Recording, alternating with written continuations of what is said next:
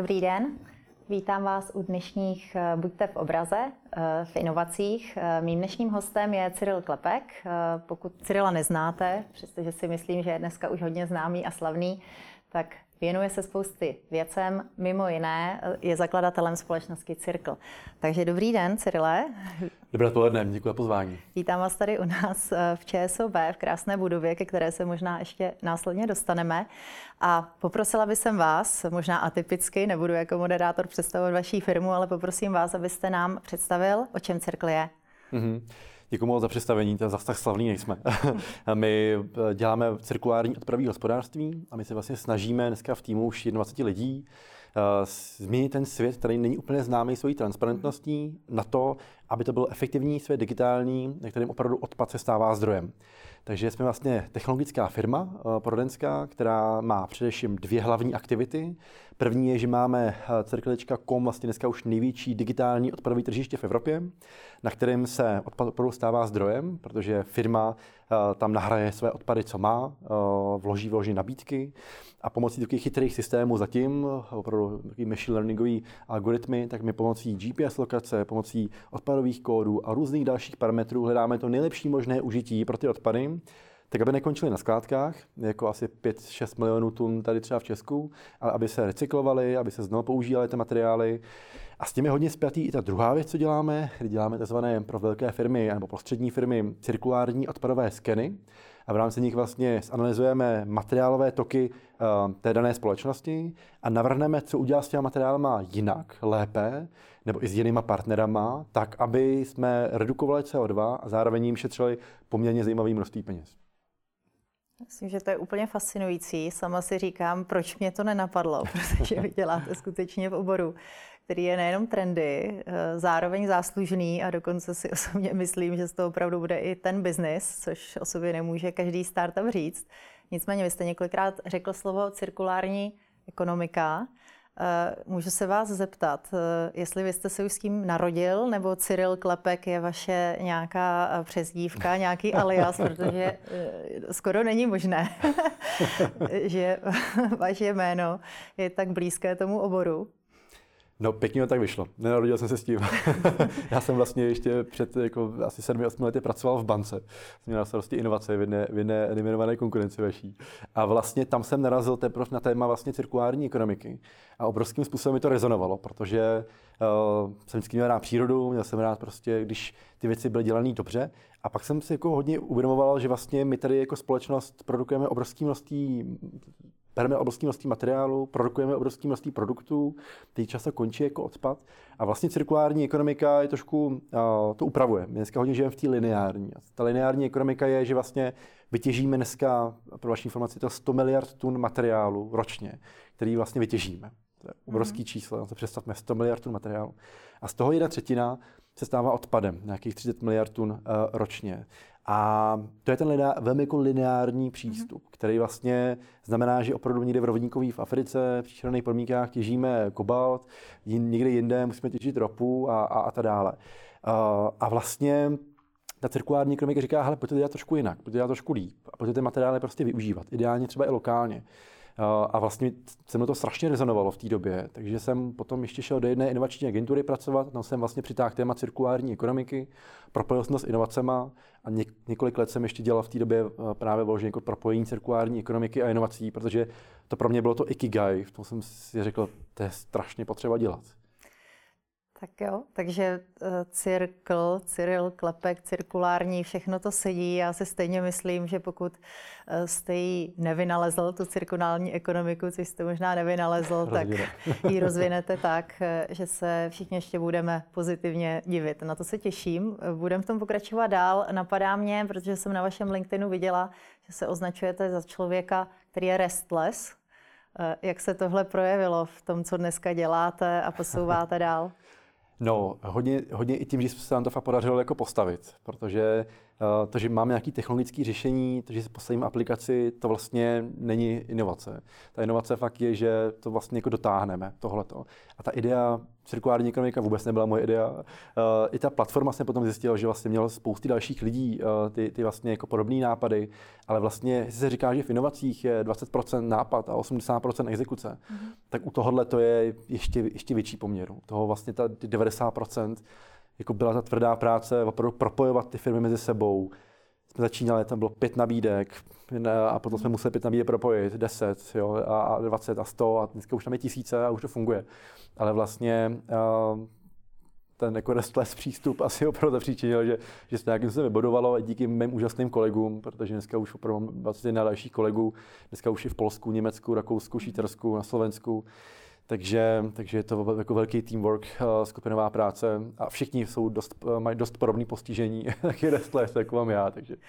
To je perfektně, jak teď známe výběrové kritérium k vám do firmy. Eh, nejste na to sám, máte teda už i zaměstnance, jestli tomu dobře rozumím. Někde mm-hmm. jsem viděla, že máte i trošku netradiční metody jejich motivace mm-hmm. nebo odměňování. Mm-hmm. Jo, to je hodně důležitý. My to fakt stavíme, jako chceme postavit opravdu globální digitální odpadové tržiště, globální projekt, který opravdu řeší globální problém. A zároveň já nechci být miliardář opuštěný někde, eh, v, někde na, ve městě. Pro mě to je důležité, aby to hlavně fungovalo. To znamená, že ty lidi, který nabírám, musí mít obrovský culture fit, musí opravdu jako věřit tomu tématu, jít potom, Není to 9 to 5 prostě práce na pár hodin jako týdně, je to opravdu o tom, že to je jako velká dedikace.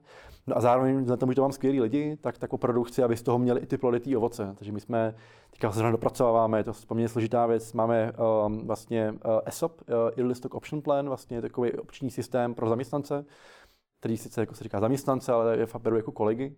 Takže vlastně ty mají vlastně podíl ve firmě, stejně jako i ty country manažery v těch dalších zemích.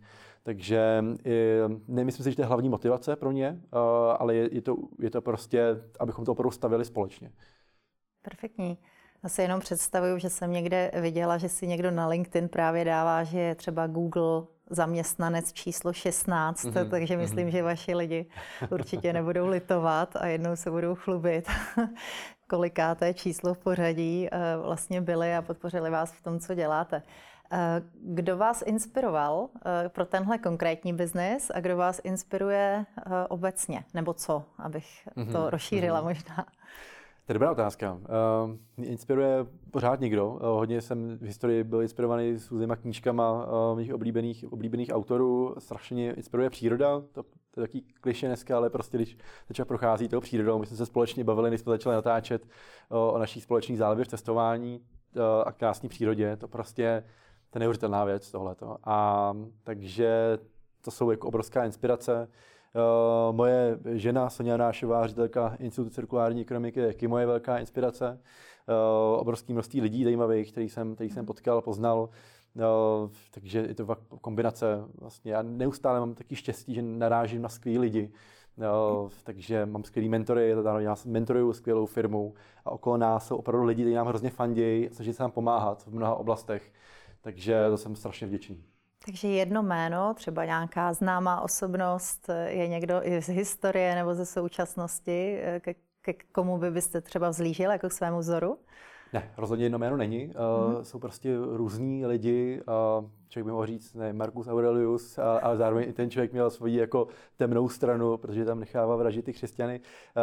Uh, Elon Musk samozřejmě by člověk mohl říct, protože to je úžasný inovátor, zároveň to je do určitý míry velký blázer. Uh, takže vlastně jako žádná osoba, každý má svoji jako velmi silné stránky a zároveň velmi, velmi slabý, ale vlastně uh, takže... Ta paleta těch lidí okolo mě, to, vlastně, to, to jsou jako mm-hmm. úžasní lidi a člověk se jako různě jako vytahuje.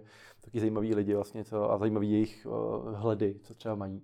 Když jste zmínil Maska, ne, neplánujete Twitter účet, kterým budete mást uh, svět a, a hýbat uh, burzou a hodnotou měn. Tohle zatím neplánujete. Ne, obdivuju jeho marketingové schopnosti a je to fakt člověk, který prostě jako dělá svou práci jako úžasně, uh, posouvá opravdu ty hranice jako lidských, lidských jako vidění a možností, což je hrozně důležitý. Mm-hmm. My nesmí zabřednout jako té naší jako latergie, takže to je obrovský záslužný a zároveň to není jako ten jeden jako role model, co bych, co bych měl. Mm-hmm. Uh, perfektní. Uh, to sympatická odpověď. I pro mě, já to osobně mám právě velmi podobně, hmm. abych uh, asi neuměla sestavit, nebo říct jednoho člověka, spíš hmm. bych si ho sestavovala hmm. s vlastností a s inspirací, hmm. který, hmm. který spousta lidí pro mě má. Hmm. Zmínil jste to cestování. My jsme se uh, začali bavil, ba, bavit o tématu Bali, mm-hmm. kde, kde jsme oba byli. Vy tam teda jsem pochopila, pobýváte, pobýváte možná ještě raději než případně já. Já jsem měla ten zážitek, který už se týká zase ekologie mm. a prostředí. Mm. I negativní, kromě té hmm. krásné přírody, mm. tak mm.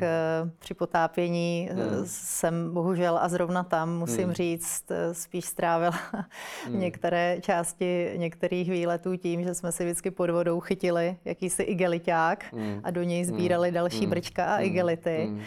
Co říkáte na tohle? Jak vidíte svoji roli v boji právě s tím, že se spousta krásných míst, nejde jen o ty místa, jde o ty lidi, jde o tu budoucnost, opravdu opravdu až takhle jednoznačně začíná, začíná kazit. Hmm. Je to šílený. Uh, já taky, když tam, tam surfuju, tak mám vždycky vylezu z té vody, mám plný, plný kalhoty různých plastů, ty člověk vytahuje, člověk tam čistí pláže a, a, a je, to, je to ale jako boj větrnými mlýny. Vlastně to, máme obecně nějaký určitý problém, který potřebujeme vyřešit, potřebujeme spravit. Uh, my jsme od nějakých 50. let vlastně jako úžasně jako rostli jako společnost, jo, naše spotřeba a tak dále což je do určitý míry prostě správná věc, protože ty lidi si mohli pořídit pračku a ta žena najednou mohla začít chodit do práce, nemusela prát a, a spousty věcí je prostě dobrý mít, jo. ledničku a spousty věcí jako dalších. Ale zároveň jsme jako, tak jako rychle vlastně ten náš konzum jako vyrostl takým až jako něčím jako hloupým směrem, vlastně, že jsme na to úplně zabředli a že to má obrovský negativní externality vlastně, celý, celý ten náš vlastně systém. A já si jako nemyslím, že bychom museli úplně otočit o 180 stupňů, ale myslím si, že je hrozně důležité teď začít ty věci dělat prostě jako správně. Uh, já jsem hrozně rád, že třeba na tom Bali teďka zakázali jednorázové plasty. Uh, uh, těch cest vlastně obrovské množství. Zrovna včera Evropská unie řekla vlastně, že kontinent směřuje k že bude uhlíkově eh, neutrální, 2050, do roku 2030 jsou další vlastně kroky k tomu. Eh, takže eh, to jsou věci, jak vlastně začít jako opravovat tu naší ekonomiku a říct si, fajn, už jako bohatneme, pojďme se trošku zabývat i tím, jak to životní prostředí okolo nás vypadá, a pojďme to, tu ekonomiku dělat trošku chytřejší, jo? protože vlastně i spousty věcí jde dělat, jde dělat jinak.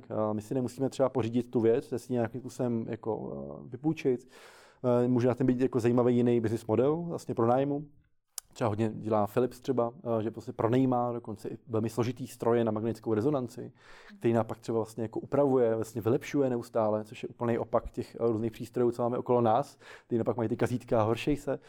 Uh, takže i to o tom vlastně dělat jako to chytřejš. Jo? A já si myslím, že, že my bychom všichni, ať už jako jako bankéři, jako podnikatele, jako inovátoři bychom měli být vlastně součástí té změny a trošku redesignovat ten svět, abychom si udrželi nějaký určitý životní standard a zároveň abychom potom, když surfujeme na Bali, tam nemuseli narážet pořád nějaký odpadů. A zároveň fakt neplatí to, jako že my v Evropě jsme tady jako OK a, a to je problém jako Ázie. Ta ekonomika je dneska totálně, ten je totálně propojený. Jo. Um, jako to, že nějaká ztráta biodiverzity někde na nějakém ostrově tisíce kilometrů od nás daleko, je prostě propojený s tím, co zažíváme i u nás. Jo? No, protože prostě tady u, u delfínu znamená tohle a tohle znamená tohle, ten svět je prostě propojený, velmi vlastně komplexní systém. Takže byl by to hrozně takový, uh, řekněme, srabský, až kdybychom řekli, ne, to je problém tady Azie, ty odpady, my to nebudeme řešit. Eh, na druhou stranu, ona většina toho odpadu, že my jsme mluvili o tom, který, který eh, to jsou opravdu igeliťáky, brčka, mm. že jo, hmm. to je takové mm. to sprofanované. Eh, na druhou stranu, většina toho odpadu je opravdu průmyslového a to je to, čemu mm. vy se věnujete v cirklu. Mm. Můžete říct, tak jak vy vidíte ten poměr, kolik můžeme ovlivnit my jako jednotlivci a kolik je opravdu o firmách, které mm. už se dneska k udržitelnosti hodně hlásí? Mm. Když se vrátíme zpátky do střední Evropy, tak mhm. vlastně z našich dat 88% eh, odpadů je toho industriálního průmyslového charakteru. Eh, je to hodně časové stavebnictví, mm. ale potom vlastně i z jiných oblastí. To znamená, že v těch firmách eh, tam opravdu toho můžeme ovlivnit hodně. I to je o tom, že množství toho odpadu dneska končí na skládkách i z těch firm, kde není vůbec žádný důvod, aby také bylo. Tam jsou často jako krásní materiály, různé jako plasty, různé textily, různé různý prostě typy materiálu a je tam toho hlavně větší množství. To znamená, že to jde někde zacyklit, jde to někde jako vrátit zpátky do oběhu, jde to někde tomu i předcházet nějakou lepší technologií. To znamená, že vlastně, že firma by opravdu měla směřovat k nějakému třeba i zero waste manufacturing, vlastně výrobě opravdu uh, bez odpadů. A z našich zkušeností je to opravdu věc, která přináší poměrně zajímavý uh, ekonomický benefity. Mm-hmm. Uh...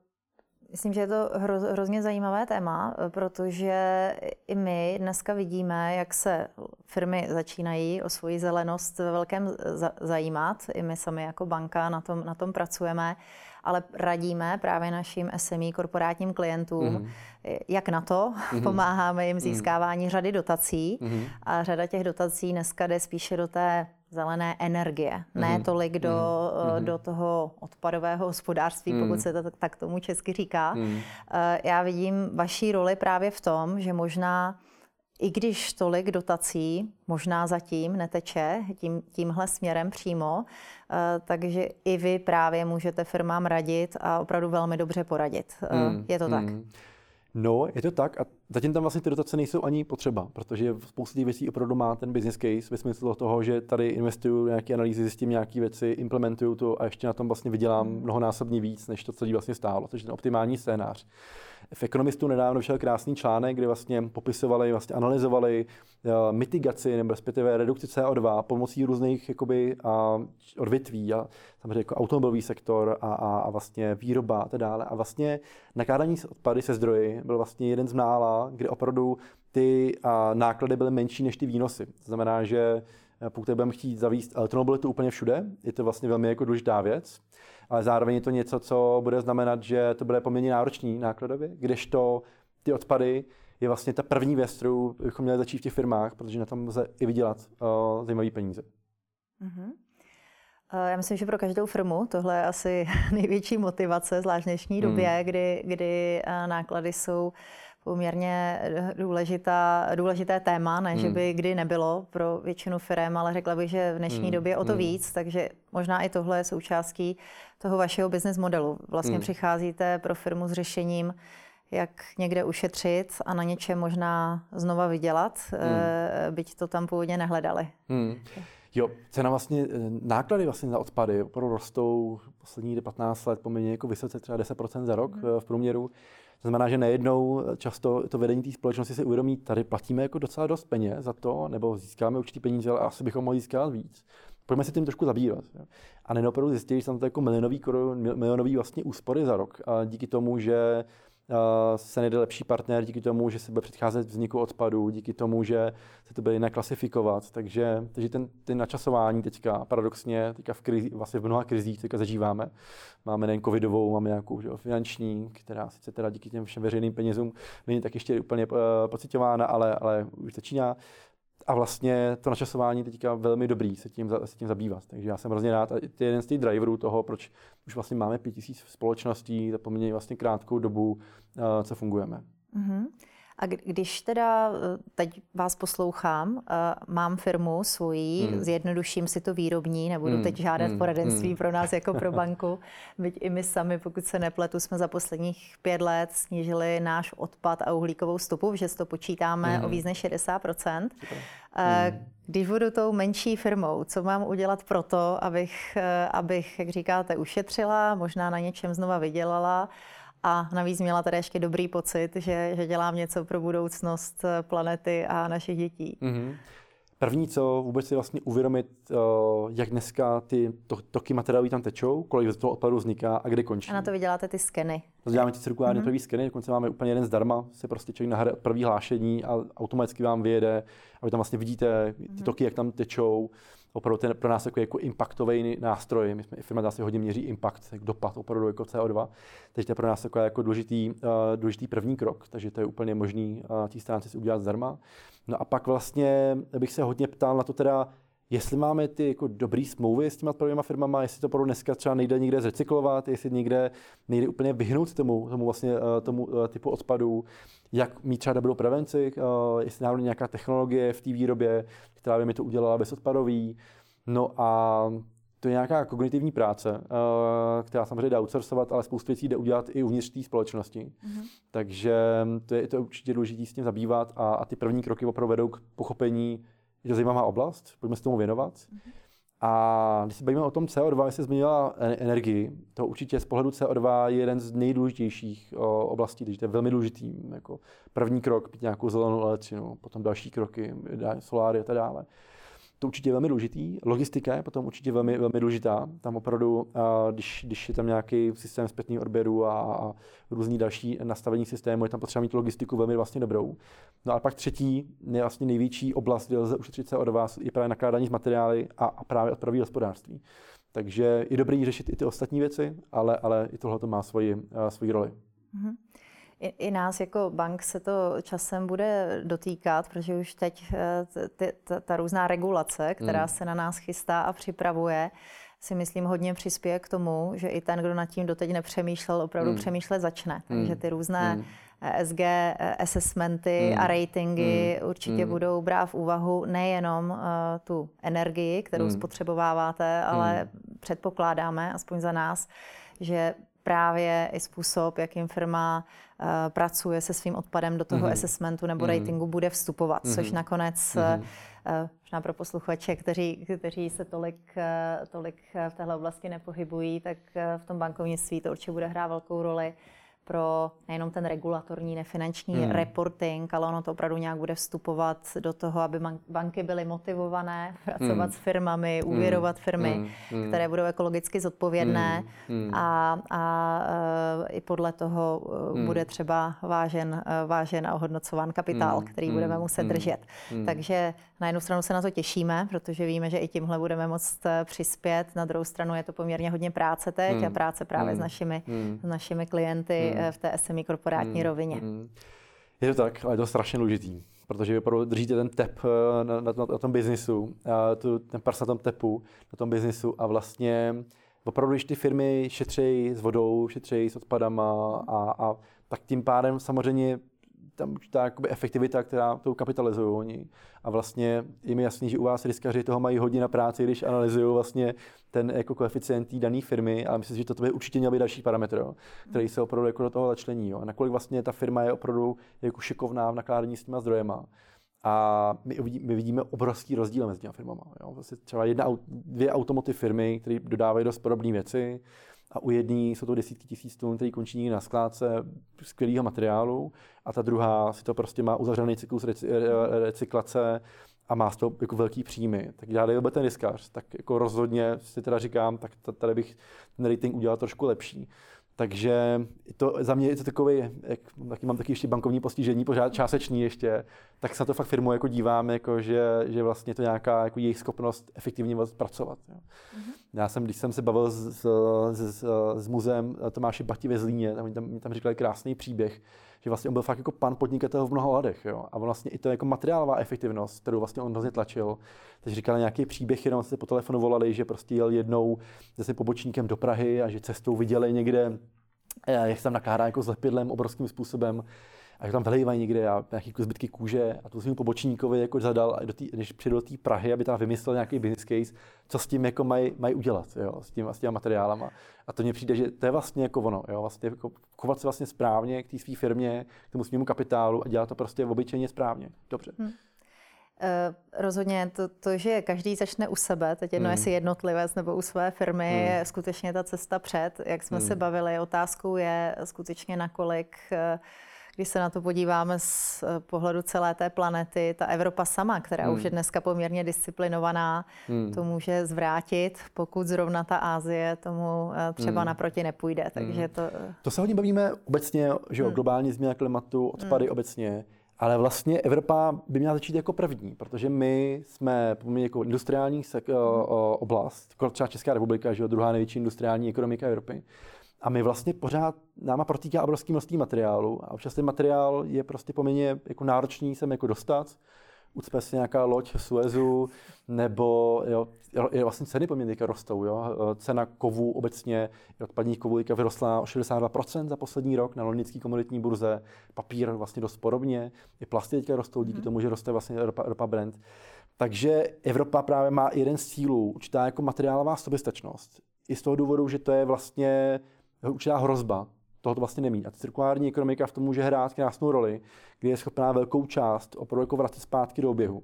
Takže nejen to vlastně, že máme určitou jako odpovědnost za ten globální vývoj, mm-hmm. ale i ten jako logická vlastně cesta určitý jako samostačnosti toho regionu, bez závislosti na východu nebo jihu materiálově, mm-hmm. já si myslím, že je vlastně pádný argument, abychom tou cestou šli. Mm-hmm. Já se tady nemůžu přestat dívat na vaší nechci tomu říkat u pána brož, ale co to je za brož? to jsme eh, získali za, za jedno z prvních míst, no třetí místo na eh, cen SDGs, od vlastně OSN, která má, má cíle udržitelného rozvoje. Takže ta jsme, ta jsme tam minulý rok vlastně uh, byli jedni, jedni, jedni z, uh, byli jsme na třetím místě za ten náš vlastně vývoj v tom, v tom minulém roce, takže to jsem si takhle vzal, abych... Uh, tak Dodatečně nějak... gratuluju, ale uh, nemohla jsem si odpustit. Říkala jsem si, že to určitě něco bude znamenat, že to nebude náhodná brož, kterou, kterou nosí každý. Uh, Možná ještě jednu otázku, kterou, kterou bych na vás měla zpátky k firmám, k spotřebitelům.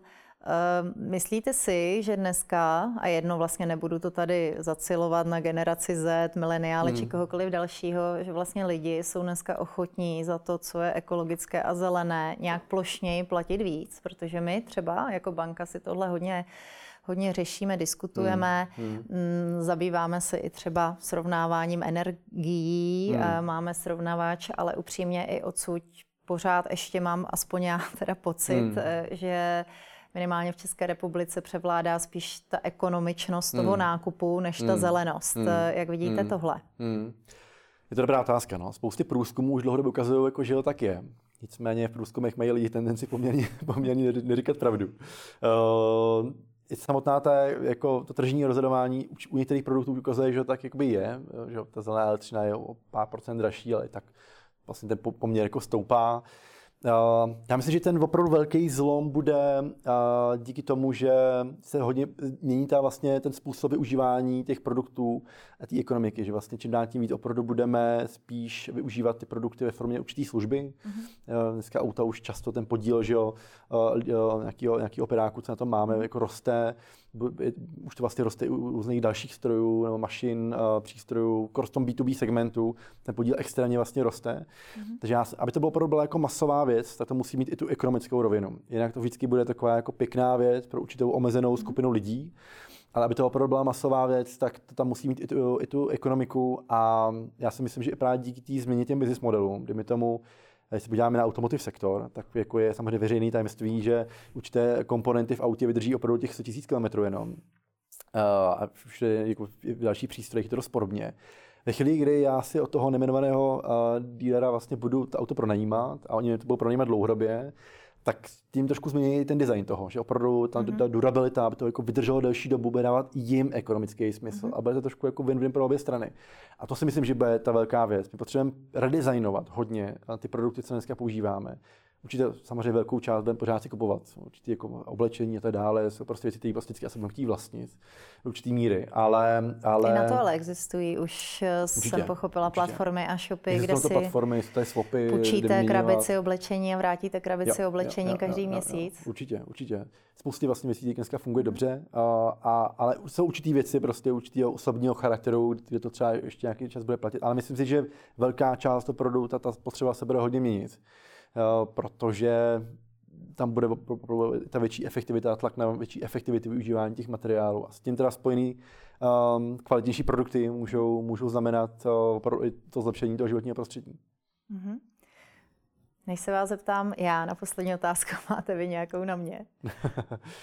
No, mě by určitě zajímalo vlastně, jak moc teďka budete eh, to téma udržitelnosti opravdu uh, promítat vlastně do těch vlastně jako finančních rozhodování, jsme se to trošku bavili. Bankéř, bankéři, uh, že?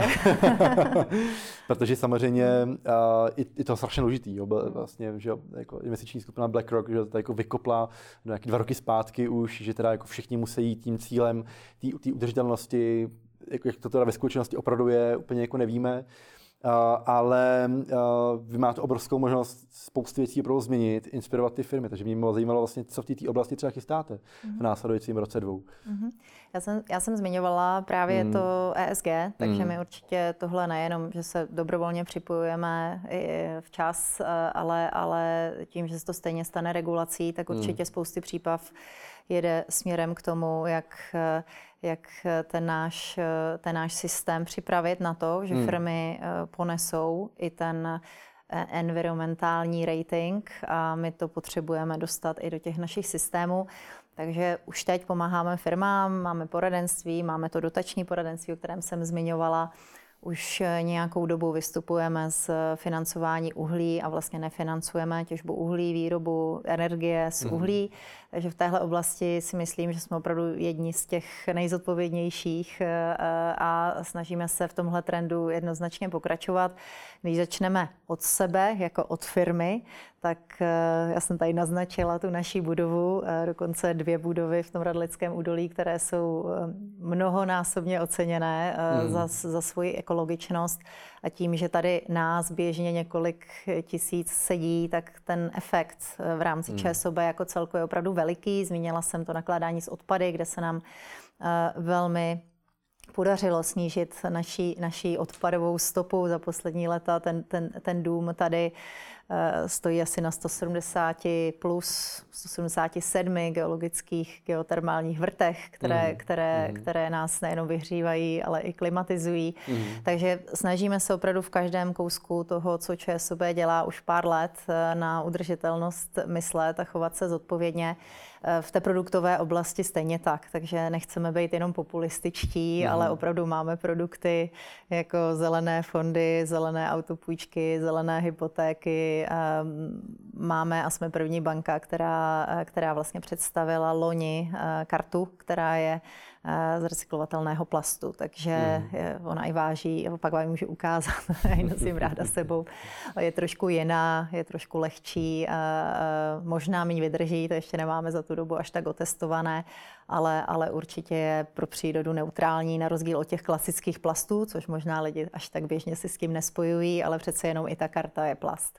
Mm. Takže, eh, takže spousta zajímavých věcí. Když mě napadá ještě z podnikatelského prostředí, tak náš akcelerátor Startit, mm. kde pomáháme inkubovat eh, zajímavé firmy, startupy, mm-hmm. tak i tam se začínáme víc a víc zaměřovat na firmy, které mají nějaký společenský přesah, včetně právě toho, toho green přesahu. Mm-hmm. Takže tolik zhruba za nás. Nevím, jestli to na vás dělá velký či malý dojem, ale snažíme se, snažíme se, yeah. co to dá na všech, na všech frontách. Mm je určitě dobrý začínat od těch malých věcí, vy jste karta pro těm velkým věcem, pomáhat těm vlastně obrovským množstvím firmám.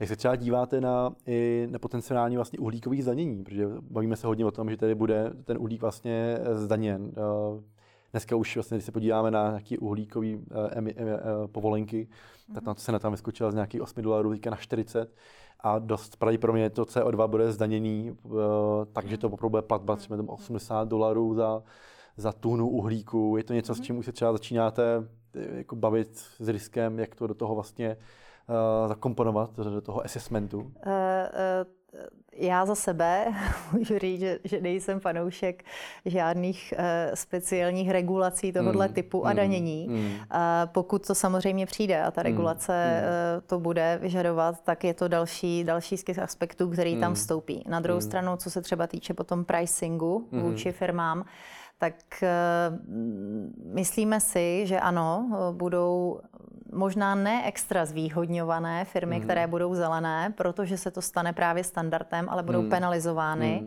Mm. Podobně jako vlastně říkáte ve formě uhlíkové daně ty, které, eh, které eh, nebudou naplňovat prostě ta kritéria podle mm. toho, jestli se bavíme za dva roky nebo za deset let, mm. kdy samozřejmě ta situace může být jiná. Takže tohle, tohle jsou uh, velmi zajímavé filozofické myšlenky, které, eh, které uvidíme, jak rychle se vlastně posunou.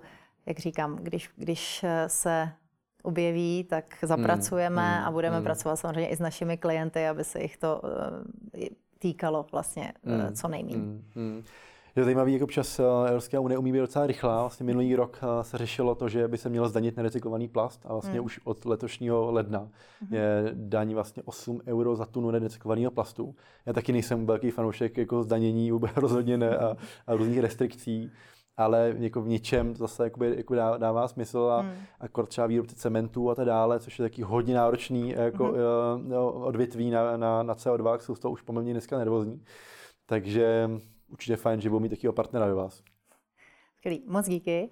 Eh, já, protože už se blížíme opravdu úplně na konec, eh, vám kromě velkého poděkování za skvělý, skvělý rozhovor a myslím, že bychom si vydrželi povídat ještě hodně dlouho, Poprosím vás možná o tip, koho byste mi doporučil, koho byste rád viděl v některém z dalších Buďte v obraze. Tak z oblasti sustainability, udržitelnosti nebo hmm. obecně? Obecně. Možná tím se vás zase snažím dostat mm-hmm. do mm-hmm. toho, jestli máte nějakou oblíbenou osobu na českém trhu. Uh, třeba pan Dejčmar, uh, myslím, že je velmi zajímavý. Jsou skvělí lidi, jako je Silke Horák z Albatrosu, s Petrem mm-hmm. Vítkem založili mm-hmm. Impactový fond, uh, Martin Ducháček, spolu, spolu vlastně člověk z RSE.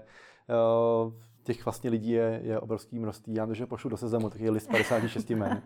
pošlete mě, pošlete mě, budu moc ráda. Eh, takže ještě jednou díky, Cyrile. Eh, I vám velké díky dneska za pozornost a budu se těšit zase za měsíc. Naschledanou. Naschledanou.